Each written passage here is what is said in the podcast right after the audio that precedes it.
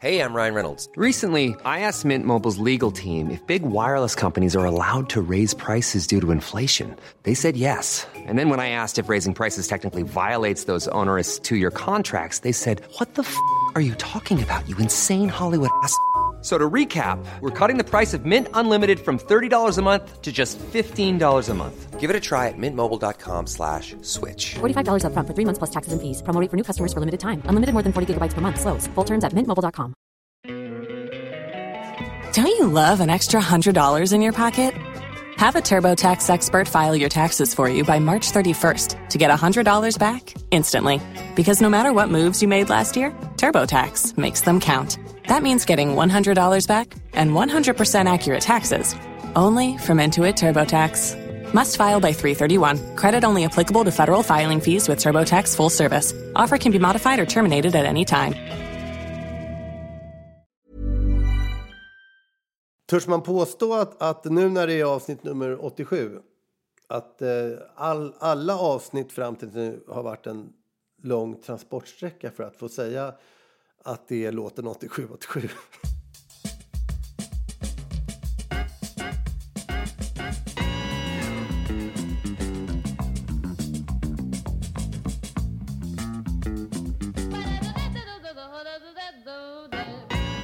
Låten. Jag, jag, ska, kan vi, ska vi inte nästan börja med videon till den här Inget kallprat den här gången. Nej, inget kallprat. Jag tycker vi går direkt på videon. Ja, den är ju det. magisk. En van rullar upp. Ja. Nej, jag tänker på fel låt. Fan, nu är det Det här är ju- Demensföreningen. Van Morrison rullar upp. Ja, men det här är ju den här när vi, den här nattklubb, våran, när vi, våran syntbandspastisch. Absolut. Exakt. Hur är det den börjar? Har den ett intro, videon? Det var länge sedan jag såg videon. Jag vet ju hur den, hur den är. Men, men startar den på något ballt sätt? Är det något snack innan eller börjar den bara rakt på? Den börjar bara rakt på tror jag. Vi står ju på någon scen, vi spelar väl på någon nattklubb och så är det liksom en liten kärlekshistoria mellan någon kille och en tjej. That's it tror jag liksom. Det är väl själva bara, det var väl bara det att vi eh, vid den tidpunkten såg ut som ett syntband. Det, var, det tyckte vi väl räckte liksom. Kraftigt influerad utav Ultravox. Och det då gäller Ja, att inte titta in i kameran utan att låta blicken svepa mot en horisont eh, långt bort vid sidan. Ja, men du är ju lite van vid det där Peder. Ja, absolut. Jag har ju ett Du är ju eh, gammal eh, depprock och syntförflutet som sagt. Så att, eh, Ja, ditt, ditt första band, Intellektuella Drifter. ja, ja. jag. Som gjorde sin det första där spel... var jag. Ja, du Där var jag också där. med. Ja. Är det så? Absolut. För, första, ja, men innan dess hann vi med en spelning på ett dagis också som vår första... Eh, vårt första gig. Ja, just det. En, en, ett spelning, en spelning på ett dagis hade ni. Ja. Live at Dagis var också den tape som kom ut ur detta.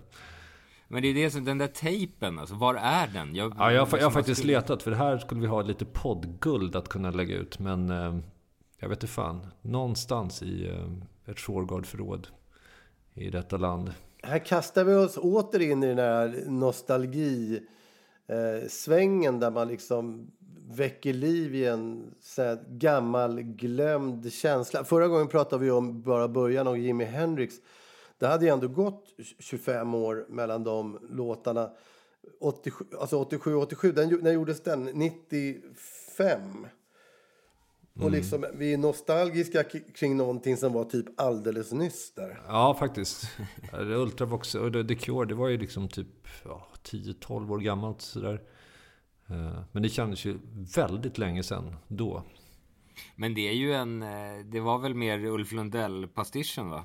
Var det inte det som föranledde själva nostalgin från början? Jag tror att vi, 67. All, alla har ju gjort en sjua låt liksom. 67, 67 Lundell då. Och vår tid nu 1977 Majs Uggla. Eh, Så vi, tycker väl att, vi tyckte väl att det behövdes en 87. 87. Just det. Finns det någon 97 va? Nej. Det finns, det faktum är att det fanns en 1987 redan när vi gjorde 87-87. För Tåström släppte en platta 1987 som hette 1987. Jaha. Ah. Fan, vilken direkt nostalgi. Ja, men vilket ju är spännande eftersom vi faktiskt nämner, om inte Tåström så nämner vi i alla fall Imperiet i texten. Vi lyssnade på Imperiets nya. I det här fallet tror jag var plattan Rasera vi eh, tänker på. Ja, jag, Vi, jag vita och- Imperiet-albumet med eh, röda texter. Men, det, men den var ju inte ny då. Nej, alltså, jag jag vet. självklart gick jag in och kollade så här, fan. eh, Det, det kom ju, jag tror det kom en platta som heter Synd eh, 86. Och sen 87 kom det en samlingsplatta, så det kan ha varit den. Liksom. Ja, jag tror att det mer handlade om att eh, ja, detaljerna fick ge vika lite grann för känslan i det här fallet. Och, på den, jag tror att på den eh, eh, samlingsplattan så är de där trummorna som vi sen eh, använde i, på låten Suck. Alltså, Ja, just det. Fred Asp helt enkelt har slank med på ett hörn på en, en av just det Ja, inte allra bästa låtar. Ja, jag tycker... Ja. Jag, tänkte, jag undrade just hur jag skulle Du, du, få in det i samtalet. Ja. Jag brukar ofta ta den i försvar. Jag ska väl göra det den här gången också som sagt. Så att suck Ja, men jag tycker hålla jag vill inte heller vara för hård mot Suck. Alltså, det, är, det, är en, det är en drömlåt. Jag, jag, när, när väl det avsnittet kommer kan jag stå för hårdheten, så får ni stå för försvaret. Ja, men det är bra. Då har vi en juridisk uppdelning här. Men- Men på det viset så får vi, vi får ju nästan med alla Imperiet-medlemmarna därför att Christian Falk vet jag gjorde en remix på låten Dingelidong. Ja, just det. Och jag kommer ihåg han, kämpa, han kämpade som fan med den där och det, och det blev aldrig riktigt bra. Och det är först nu i efterhand som jag nog kan medge att det var kanske grundmaterialet. Ja, just det. Men det, är, det är liksom vår, det är våran anti-Midas-touch. Det är liksom allt vi rör blir liksom bajs. Det spelar ingen roll hur mycket man polerar det. Nej, det, det, för tvärtom. Det är när vi, allt guld vi rör blir bajs. Just det, så är det. Ja, det är sant. Inte ens Kryllan Falk förmådde att... Jag tycker det var otroligt starkt att han försökte ens en gång. Alltså att han gav sig in i att försöka göra en just det. Vi sänder en tanke till Krillan. Ja, eh, det var en stor människa. Och tacksamhet Bra för att han producent. försökte. Ja, verkligen. Ja. Det skulle vara intressant att höra, finns den remixen kvar någonstans? Alltså remix på Dingelidong, jag vet ju att vi släppte en, en eh, liksom eh, remix med, med fem, sex remixer på Dingelidong. Så det är inte omöjligt att någon kan ha den där eh, stora plattan. Vi får väl försöka hitta det tills vi kör eh, avsnittet Dingelidong. Det kan visa sig kanske att den här remixen är som en jävla dröm. ja. Alltså alla, alla inslag utan, de, utom det som är oss lär väl vara bra i alla fall. Fan, nu är vi åter inne på självhatet. Vi måste, vi måste eh, prata om någonting annat, annars blir lyssnarna upprörda. Självhatet är underskattat. Men vi kan ju, 87-87 är ju en, tänkt att vara en tidsmaskin i, på en massa olika sätt. Och tidsmaskinen har ni ju framför er, för er som vill grotta ner i det här så, så är ju om, om, via hitta.se så kan man ju kliva in och använda sig av de här eh, gatuvyerna för att besöka sitt gamla barndomshem, sina kvarter där flickvännen bodde etc. etc. Kanske just 1987. Det är ju faktiskt jävligt häftigt. Brukar ni gå in och gatu, brukar ni gå in och gatuvya er? Jag kollade faktiskt på mitt kvarter. Eh, och det fanns, det fanns något jävligt... Jag måste bara kolla vad det är. Ni kan prata vidare tills vidare så går jag in på hitta.se-appen här och tittar vad det hette. Det var något jävligt roligt ställe som... Ja, för att det ska bli extra spännande så, vi, så sitter vi ju faktiskt på trottoaren utanför Peders barndomshem. Och vi sitter utanför tro, trottoaren på Brunnsgatan 4. Eh, där dit jag inte 87 flyttade, men, men några år senare. Men det här på, på andra sidan kvarteret här, kollar jag i hitta.se-appen, så ligger ju liksom hamburgerrestauranger och gatukök Glada Korven. det tycker jag var jätteroligt. Jag har aldrig, aldrig noterat det. Hamburgerrestaurangen Glada Korven. Ja, tydligen. Alltså, fast det är inget. Det måste vara någon slags liksom, storkök eller något sånt, eller någon leverantör, för de har ju liksom ingen butik där. Eller så, jag måste gå, efter det här ska jag gå promenera raka vägen till Maria Skolgata 40 och kräva en glad korv. Helt enkelt. Men vi förstår vilken jävla dröm det vore om man, om man kunde ställa in någon tidsfaktor på de där gatuvyerna. Ja, Man kunde bara klocka in den på 1987. Eh, och liksom svepa längs Fleminggatan 45 och se hur vi springer mellan Keyboard City och, och, och lägenheten. Eller snurra över till eh, servicehemmet Väduren. Restaurang La. Casa Bianca och se, se ens jävla liv. Ja, med en, en liten VR-hjälm på det och annat. Och sen nästla sig ner i, till Ritz på Medborgarplatsen där. Det var där du spydde på killen i Ratata. Eh, ja, så säger låten. Är det, är det fake news helt enkelt? Redan då? Eh, Jag tror, att det, jag tror att jag har eh, både stått nära och pratat mycket med Johan Eklund och jag har spytt en hel del i olika omgångar. Sen om de här två sakerna sammanfallit kommer jag inte riktigt ihåg. Men det kan ha gjort det. Det är en teoretisk möjlighet. Någonstans var det väl en liten hyllning just till Johan eftersom det, det var så mycket prat om Mauro liksom. Och man kände så här, men hej, den andra killen, hej, han var ju skön liksom. Just det, den andra killen i Ratata, även kallad Fågeln. Få- Fågeln, ja precis. Han är en jävligt skön lirare. Så att, eh, om det teoretiskt sett hade skett så ber jag verkligen om ursäkt. Och sen dyker ju även eh, Per Hagman upp i videon. Han trivdes väl som fisken i vattnet kan man väl anta. Med, eh, Ja, han var nog ganska nöjd med den där situationen just då. Att, att han gillade ju just det rätt mycket och, och eh, tyckte väl, tror jag, kanske framförallt då att vi gick i rätt riktning. Eftersom vi närmar oss det här eh, 80-tals posande idealet för stunden. Han höll ju på med någon bok om oss också som, som eh, eh, jag vet inte om Björns hade, det, det var väl fan hundra sidor skrivna i någon klump papper som, som eh, vår före detta manager försvann till Bermudas med. Herregud. Många saker som har hänt där. Som man... ja. Ja. Annars 87 minns jag, då åkte jag till Köpenhamn och var på och kollade Public Enemy var förband till LL Cool J. Faktiskt. Fantastisk just det. upplevelse. Eh, sov under en bil i ett garage där. Tog tåget ner. Med Cherno bland annat var någon klick där. Det var, 87 var den, den tidpunkten som jag var som mest hiphoppare. Hogge och Resse var säkert med kan jag gissa.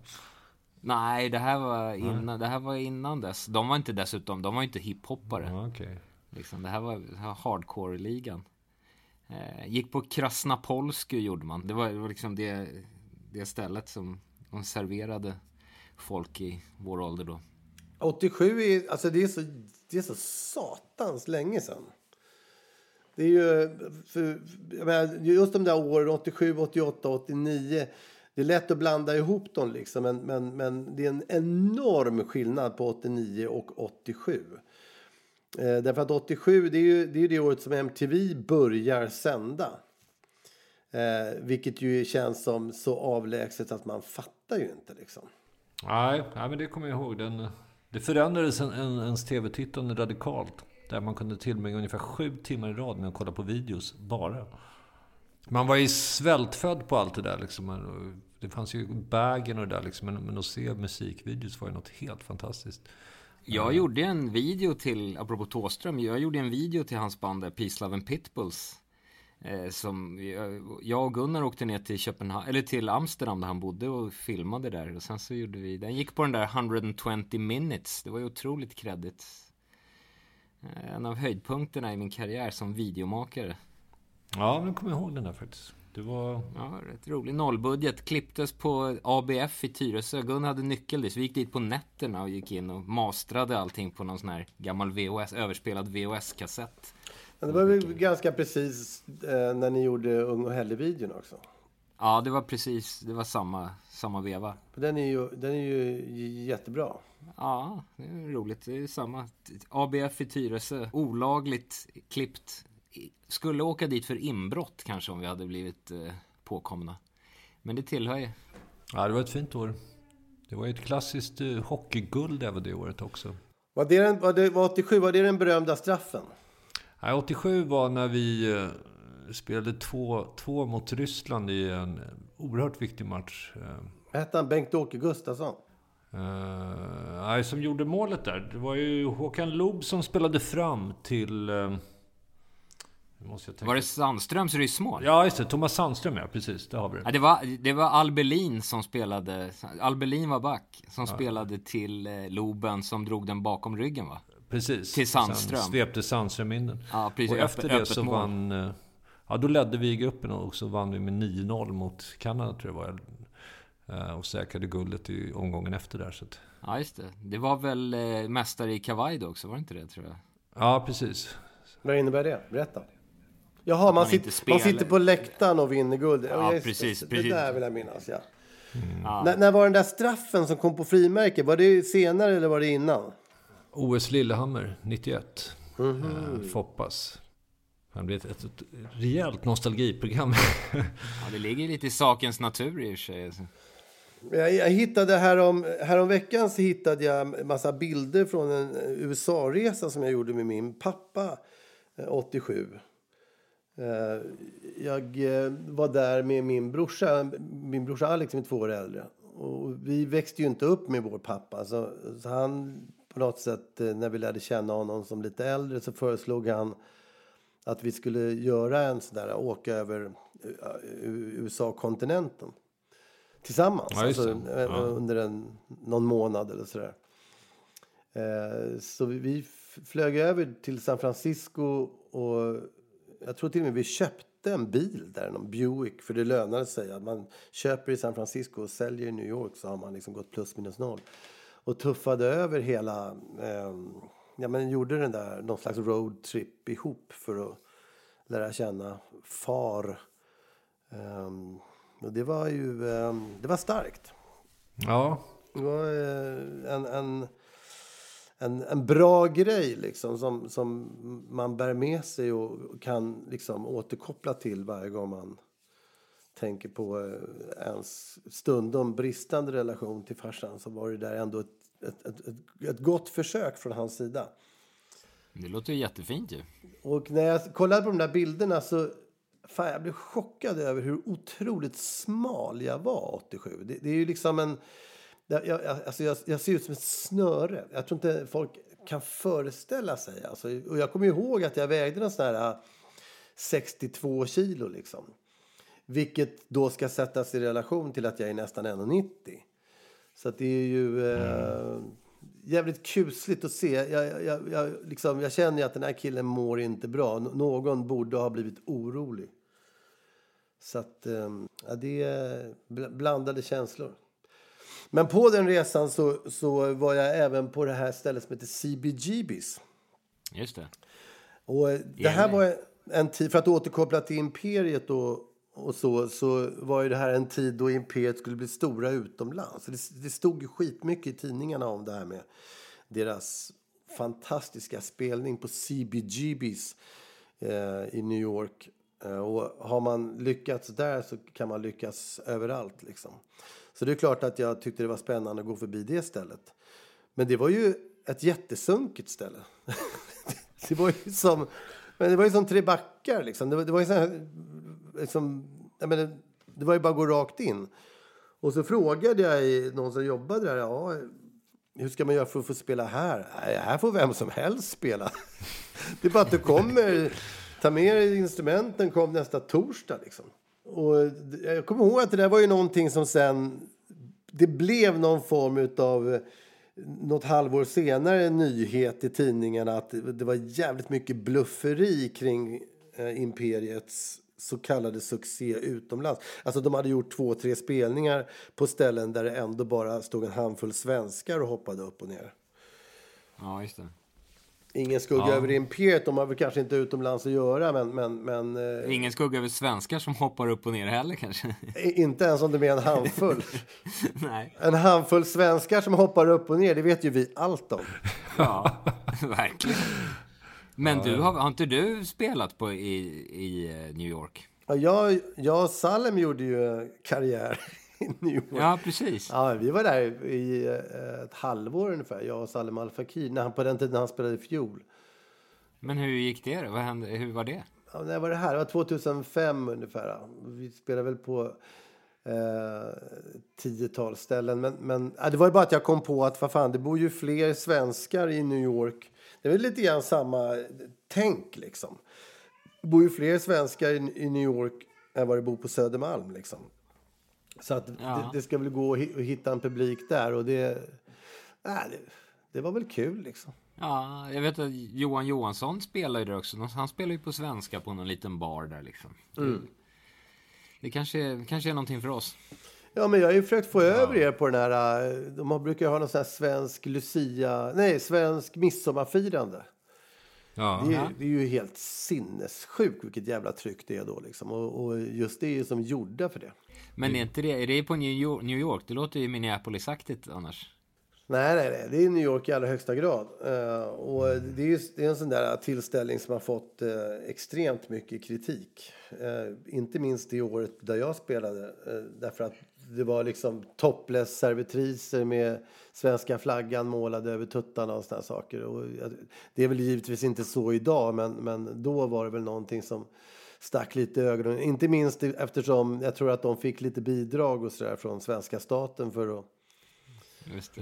bedriva sin Skatte, verksamhet. skattefinansierad kvinnlig nakenhet är ju inte populärt alltså. Om det inte är Svenska Akademin. Ja. Nej, precis. Jag vet inte, i och för sig inte så populärt då heller, men det, det försvaras väl kanske på ett helt annat Det, sätt. det är inte så populärt idag i alla fall. Liksom. Nej. Nej.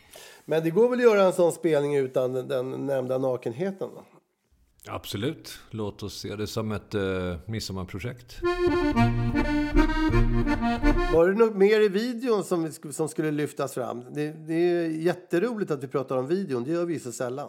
Jag sitter och tittar på den nu. Det, egentligen händer ingenting. Förutom i mitten då det är ett scratchbreak. Då vi har tydligen, det kommer någon breakare här som är helt brutalt bra, säger han. Och det kan jag berätta direkt vem, vem den breakaren är. Han heter nämligen Jerker och jobbar just nu på eh, Djurgårdens kansli tillsammans med mig.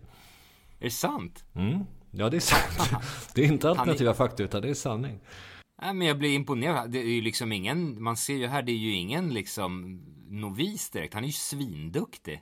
Ja, han är grym. Jag brukar ge honom välförtjänt cred för detta med jämna mellanrum som sagt. Så att, Ja, du får hälsa. Det var ju verkligen imponerande. Men som sagt, i övrigt har jag nu skummat igenom hela videon och det händer ingenting förutom det vi just har nämnt. Vi står och påsar i, i väldigt många olika påsar helt. Alltså jag vill minnas att man höll på med lite sån här, att det skulle vara lite sån här gammeldags rörvideo, elektroeffekter.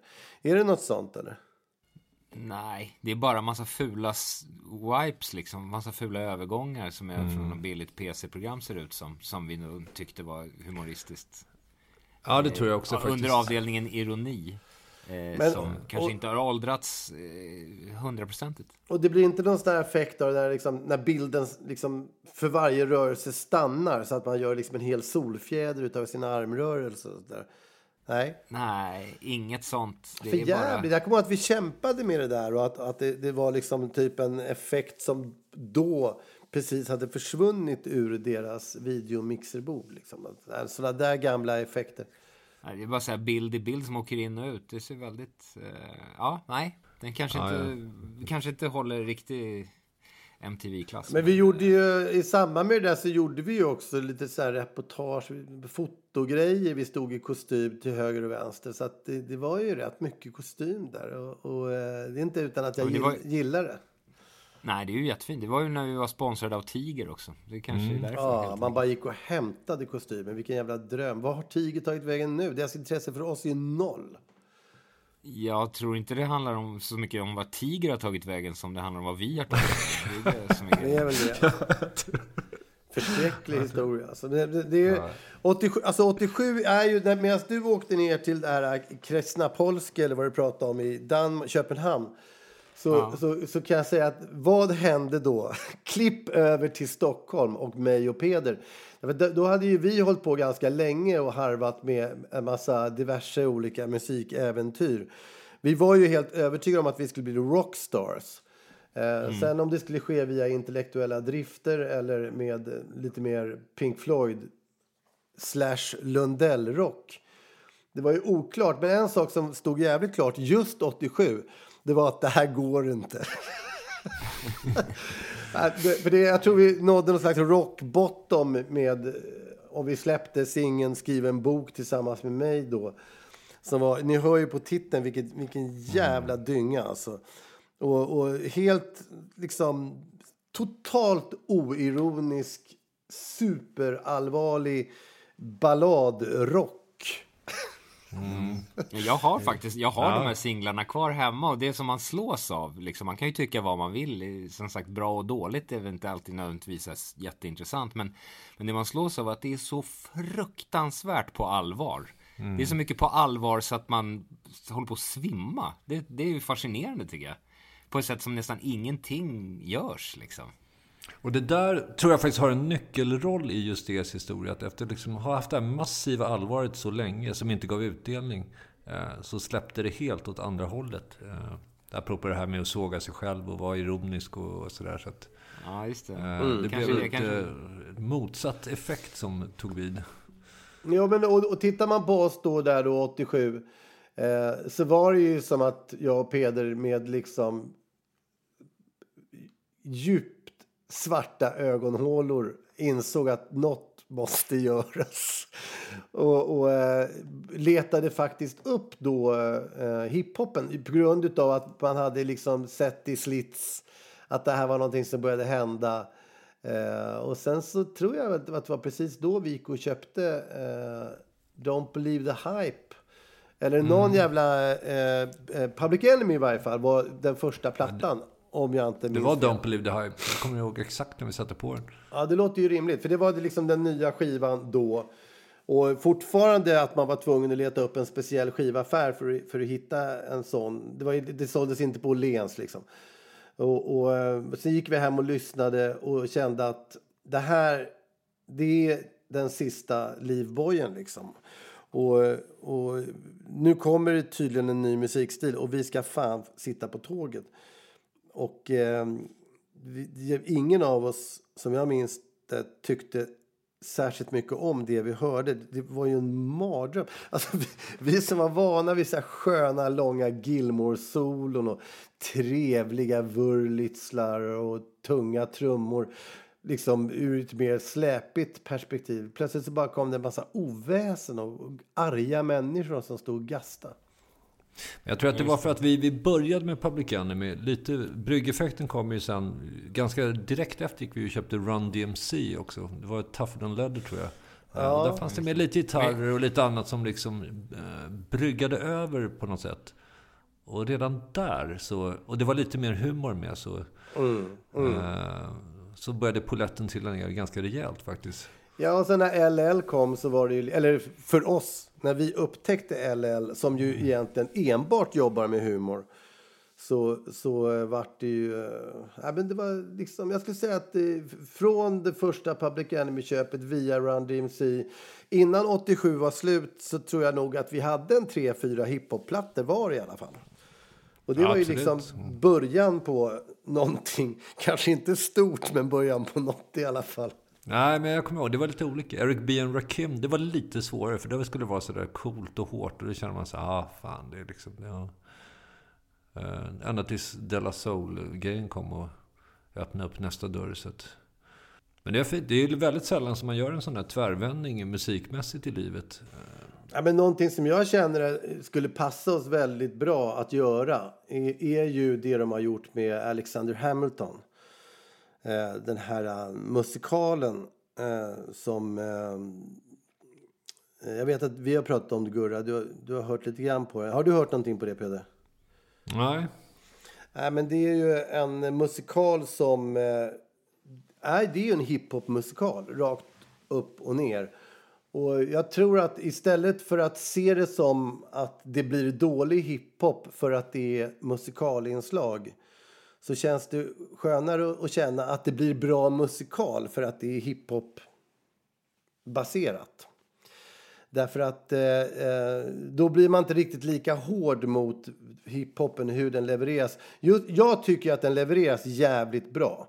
Det är, det är ju eh, svinbra gjort och jag, jag tycker att det är helt magiskt att det äntligen kommer en hiphopmusikal som tar upp någonting seriöst angeläget fast eh, med det här historiska perspektivet, det vill säga att det är någon form av utbildning i det. Det är liksom det är intelligent, det är intellektuellt på ett sätt som är råvuxet. Eh, och, och bara det faktum att, att, att eh, musikaler har ju ett problem, och opera, att leverera handlingen. Det blir de här menlösa melodierna ni vet som kommer mitt, som hela tiden bara transportsträckorna. Ja, jo, Men i och med ju- Ja, i och med att det då är, är rap. Det, det, det finns ju inget bättre sätt än att leverera fram en handling. Nej. Ja, det måste ju göra underverk med det så kallade narrativet i Grotesco är väl där och nosar en smula liksom. Men De har gjort flyktingkrisen några, där. Ja. ja, det är ju lite, lite åt det hållet. Men där funkar det ju de har- faktiskt. Eh, De har tagit jättemycket från, när, när det blir det här dramatiska eh, rap, alltså musikaliserad rap, eh, så, så det är tveklöst taget ifrån från eh, Hamilton. Men det är någonting för oss att fundera på. Vi får väl slipa på det helt enkelt. Hiphop-musikal. Det, vi har ju pratat om andra varianter att göra liksom, men, men, eh, men det är ju alltså en variant. Mm. Bara lyssna på den här låten nu. 87, 87. Kan vi ta ett lite vassare slut än så? Eller? Passa på. Nä, nästa gång gör vi en musikal som handlar om 1887. Ja. ja. Vi ska väl är kanske eh, skicka en tacksamhetens tanke till våra generösa donatorer också på Patreon som, eh, som Just det. alltid bör Det- få en liten extra klapp på axeln. De ska alltid hyllas. Det kan ni för övrigt gå in på just det.nu. Där finns länkar till allt möjligt. Det, där kan ni mejla oss om ni vill Eh, säga att vi ska sluta gnälla och, och allt möjligt. Och ni kan gå in på Facebook och Instagram och skriva och, och även Patreon och, och sådana grejer.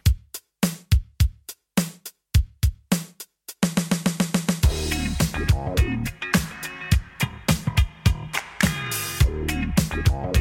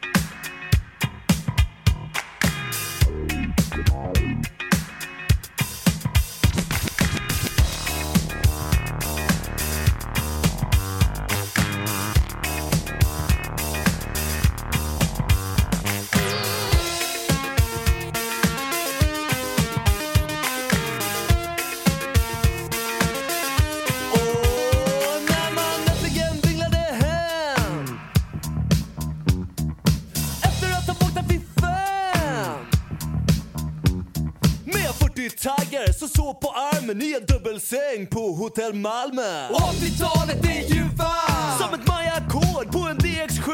Och allt var som